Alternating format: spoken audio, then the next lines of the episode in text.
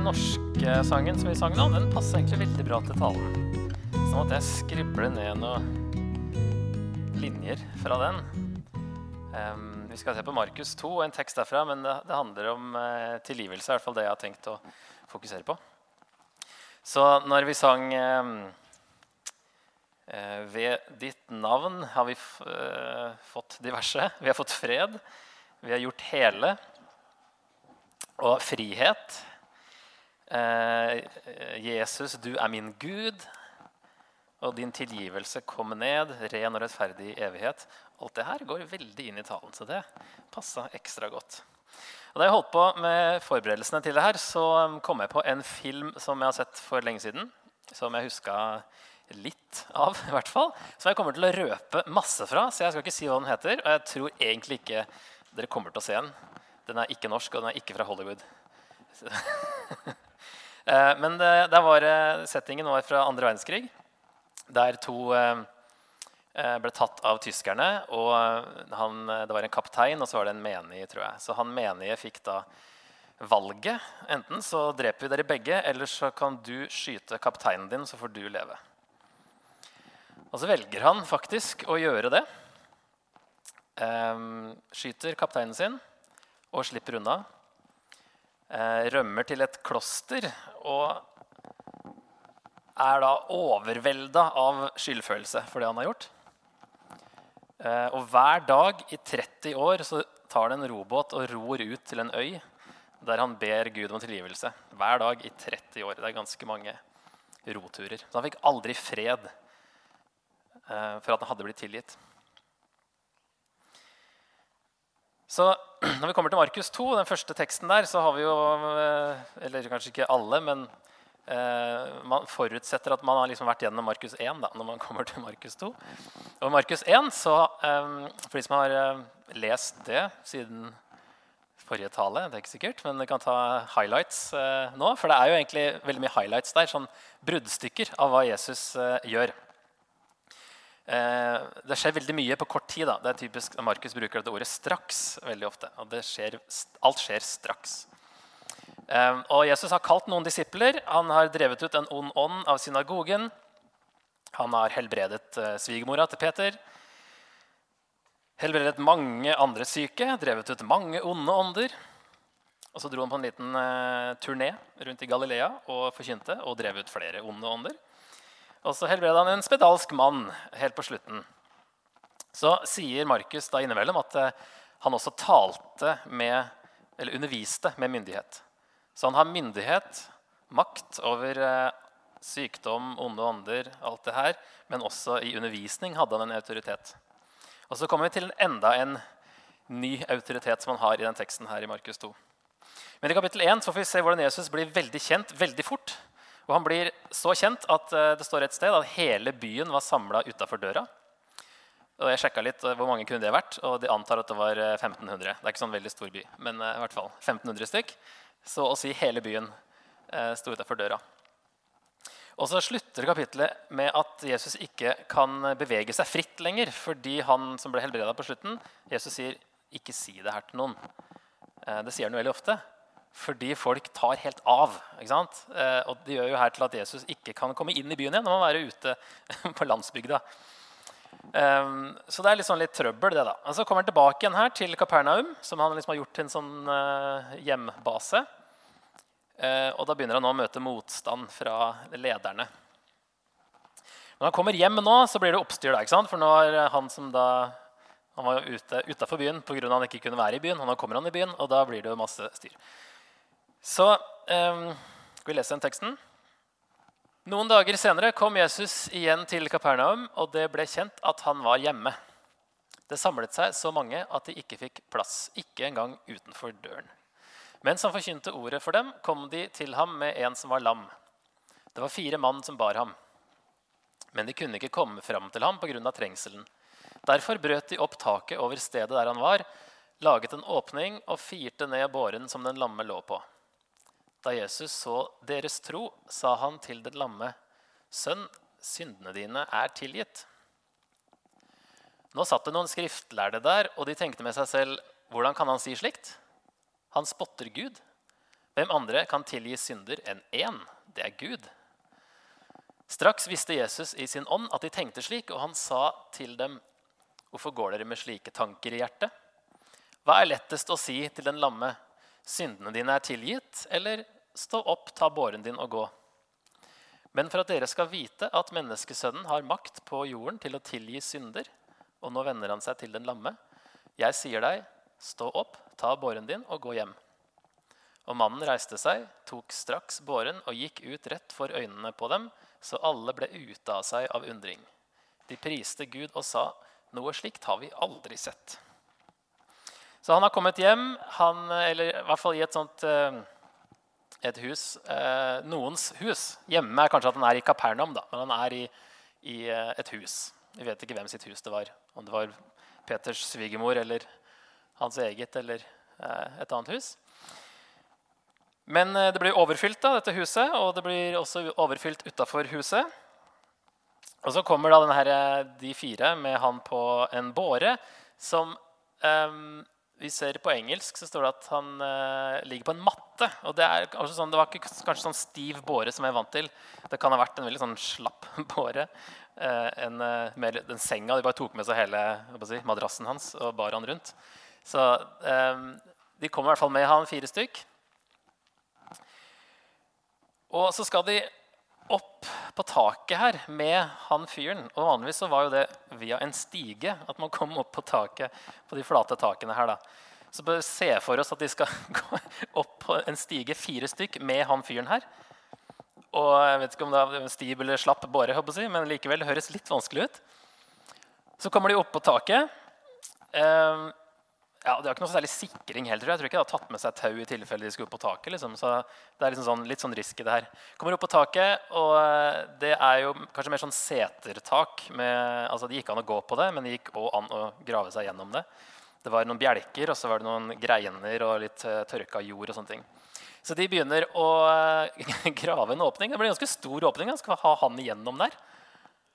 og de graver og graver. Ja, Det begynner sikkert å rase ned litt sånn på undersida. Kanskje rett i huet på Jesus og greier. så det legges merke til at nå skjer det noe oppi taket. Og når åpner det en åpning, så kommer det en lam fyr ned. Liksom. Det er jo egentlig en ganske komisk situasjon. og så er det jo egentlig litt hærverk òg. Det er jo litt jobb å liksom eh, få det her tett etterpå, så ikke det lekker av regn og sånne ting. De eh, bryr seg ikke noe særlig om det. Eh, firer ned han, også trolig uten sikring. Han ligger der helt hjelpeløs. Eh, rett ned i et stappfullt hus. og Han er kanskje ikke vant til å være blant folk heller. hvis han pleier å ligge hjemme. Plutselig er han midtpunktet i et overfylt hus. Og rett ned foran selveste Jesus, som da kanskje står der med bøss i håret. etter det de har holdt på med. Men de var veldig målretta. Det her skulle de. Overvinner bokstavelig talt alle hindringene.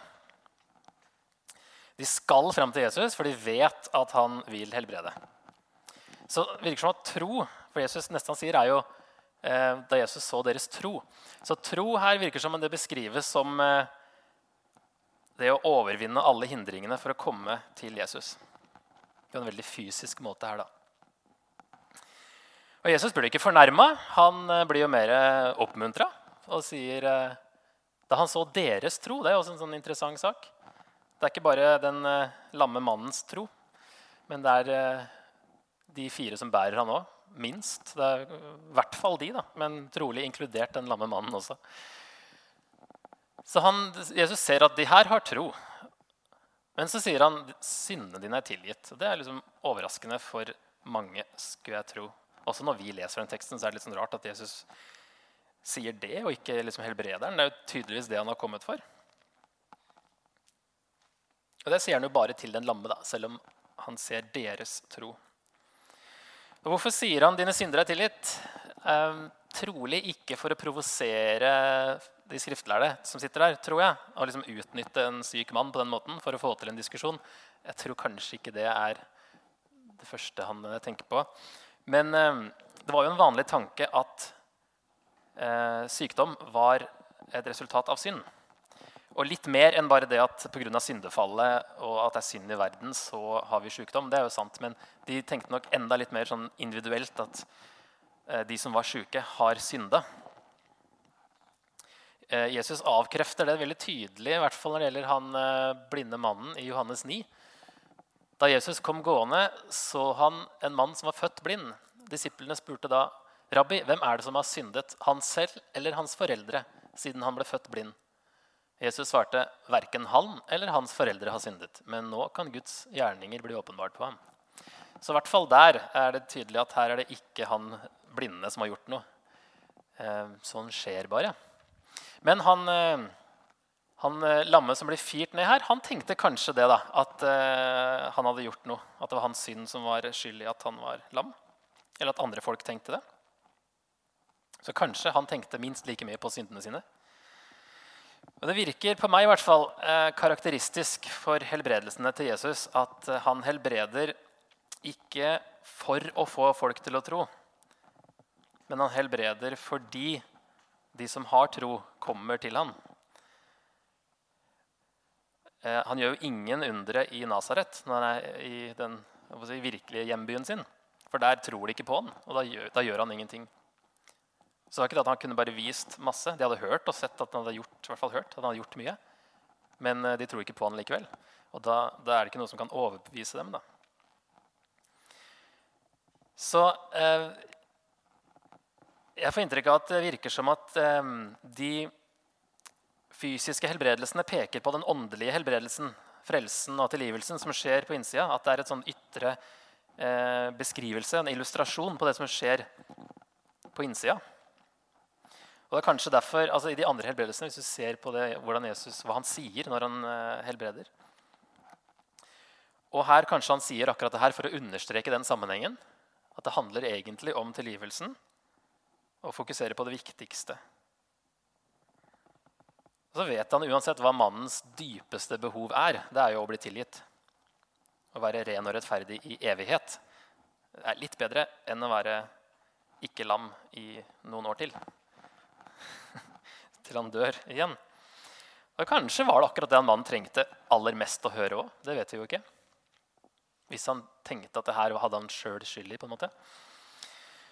De skriftlærde de snakker jo ikke til hverandre. De bare tenker det samme, alle sammen. Hvordan kan han si slikt? Og Nå går det plutselig over til å handle om Jesu identitet. Hvordan kan han si slikt? Og det er jo helt riktig tenkt. Det er jo bare Gud som kan tilgi synd. Det er alltid bare Gud. Det er ingen tekst heller hvor Messias kan tilgi synder. Så de har jo rett til det.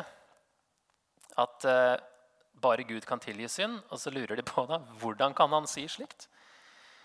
Så Kapittel 1 er jo lettere å svelge for de skriftlærde. For der, det kunne vært en profet som gjorde store mirakler og uh, talte eller underviste med myndighet.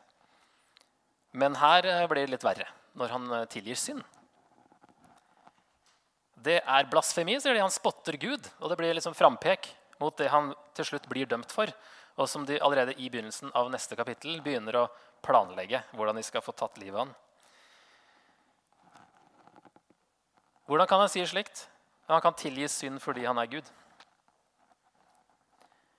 Og så, ikke nok med det, Han vet jo også hva de tenker. Det er det heller ikke så mange mennesker som gjør. Så er det enda mer gudkvaliteter her.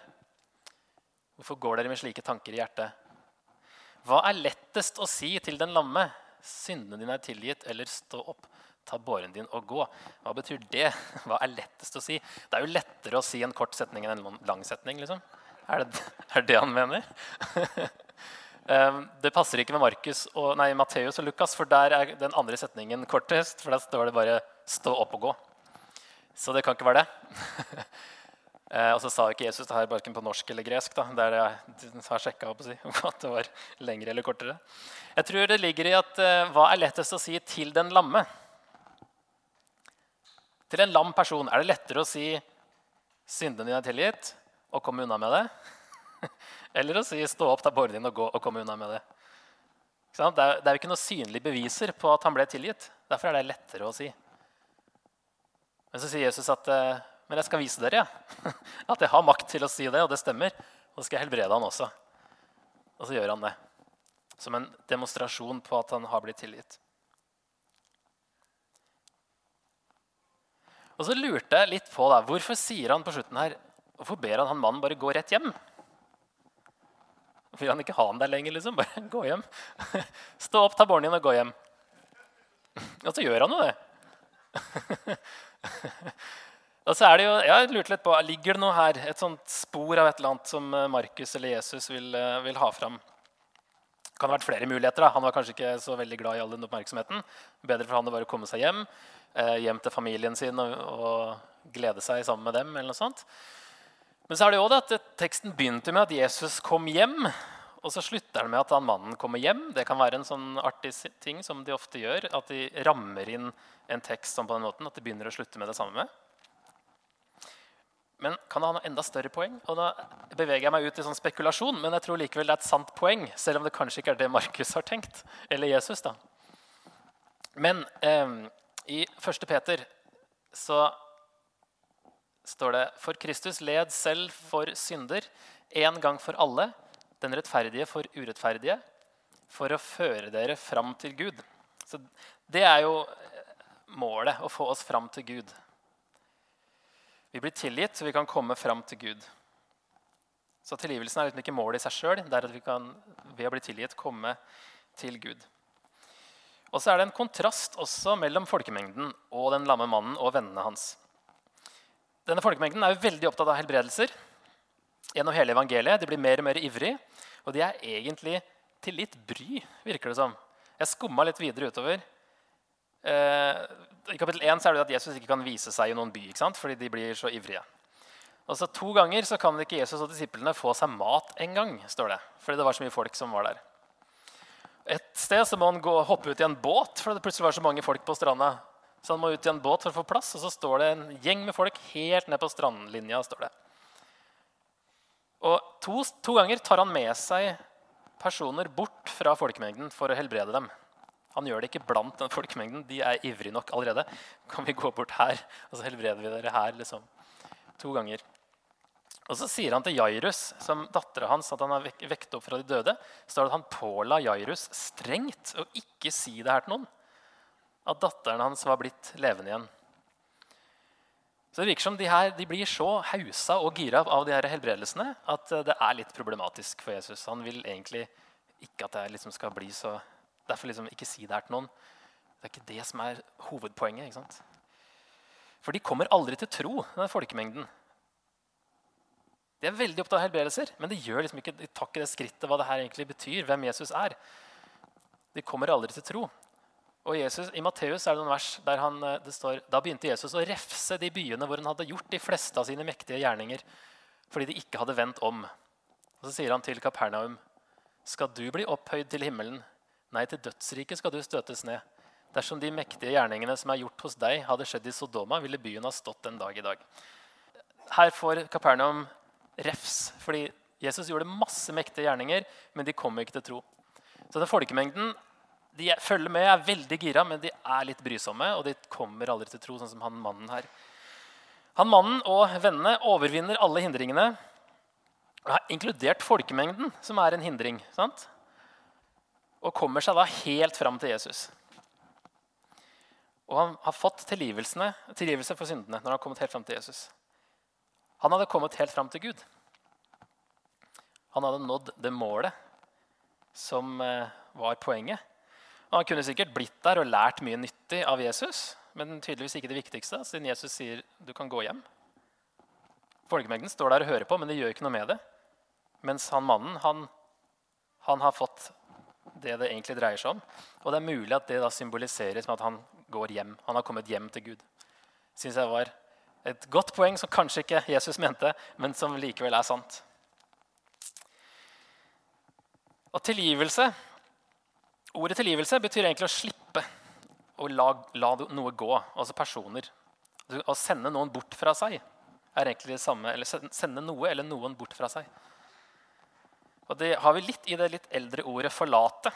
Forlatelse om forlatelse. Eh, å bli forlatt. Da kan du plutselig stå der alene. Det har den doble meningen i det eldre ordet. Så tilgivelse det, det, handler om å sette oss fri fra noe vi skylder. Altså den, vår åndelige gjeld overfor Gud. Og den historien her fra Markus da, den kom i barnebibelen i forrige uke. når jeg leste for uh, Sofia. Jeg leste faktisk på polsk, men uh, kjente igjen historien. Det var ikke noe vanskelig. Men uh, så lurte jeg på har hun skjønt hva tilgivelse er. Liksom? Hva, hvordan vil hun definere det? Og så bare følte jeg på meg her kommer det et gullkorn. Man bare pusher på nå. Kom igjen. og så sier hun Kom med en gang, sier hun.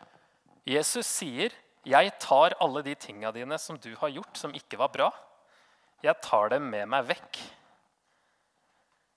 Jeg tar alle de tinga dine som du har gjort, som ikke var bra.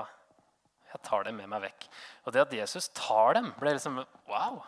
Det er liksom en handling fra Jesus. Han, han eh, tar tinga våre. Så den filmen som jeg nevnte i stad, På slutten av filmen nå røper jeg jo alt da, eh, så eh, kommer det en mann til han herre stakkaren som er eh, holdt på 30 år og bedt om tilgivelse.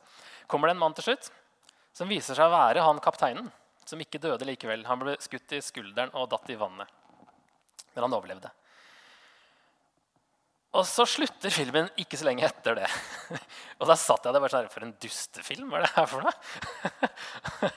og så sier jeg til han så jeg så den med liksom, han tror at han har drept en mann og han liksom ber om tilgivelse i 30 år, og så hadde han egentlig ikke gjort noe galt.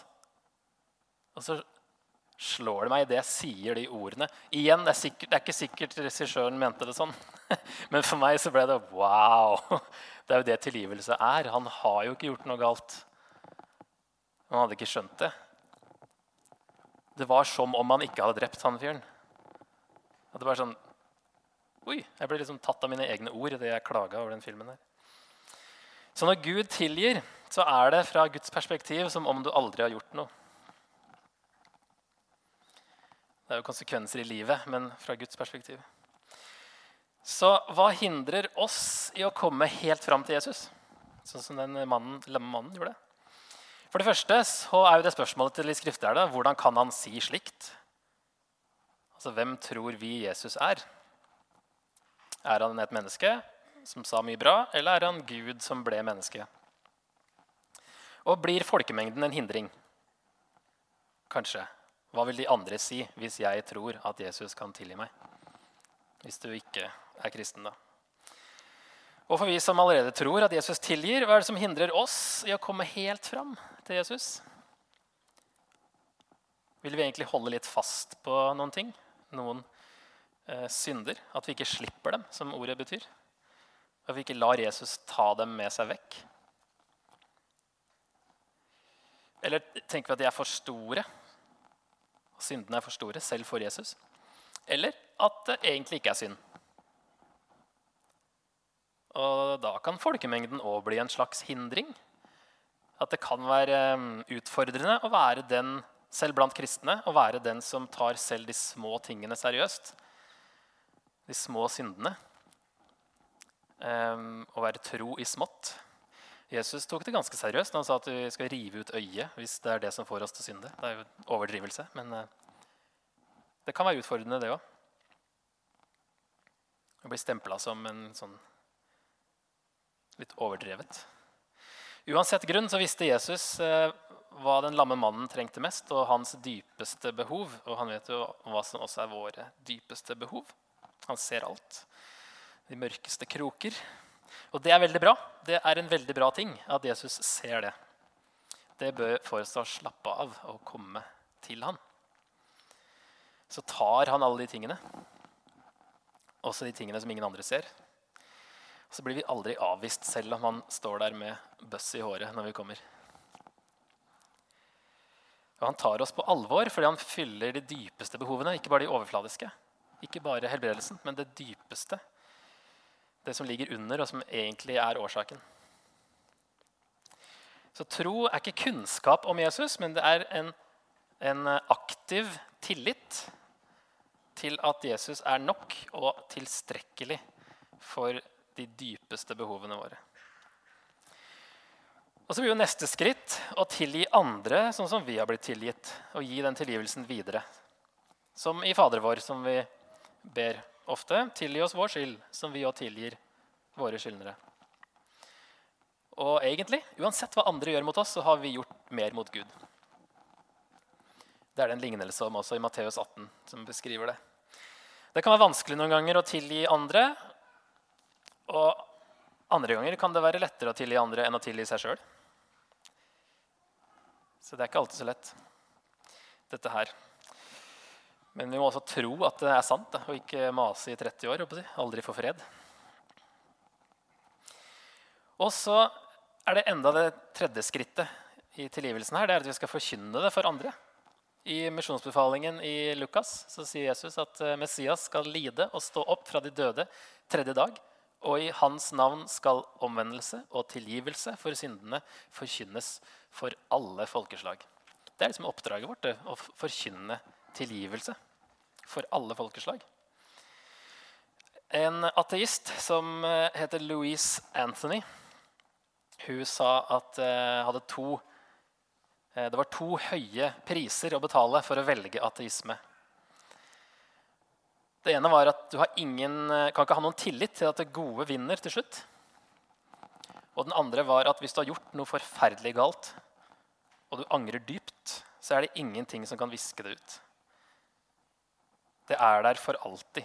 Ingenting kan ta bort skylden, sa hun. Så vårt oppdrag er å forkynne at det er mulig å få det for alle mennesker, alle folkeslag.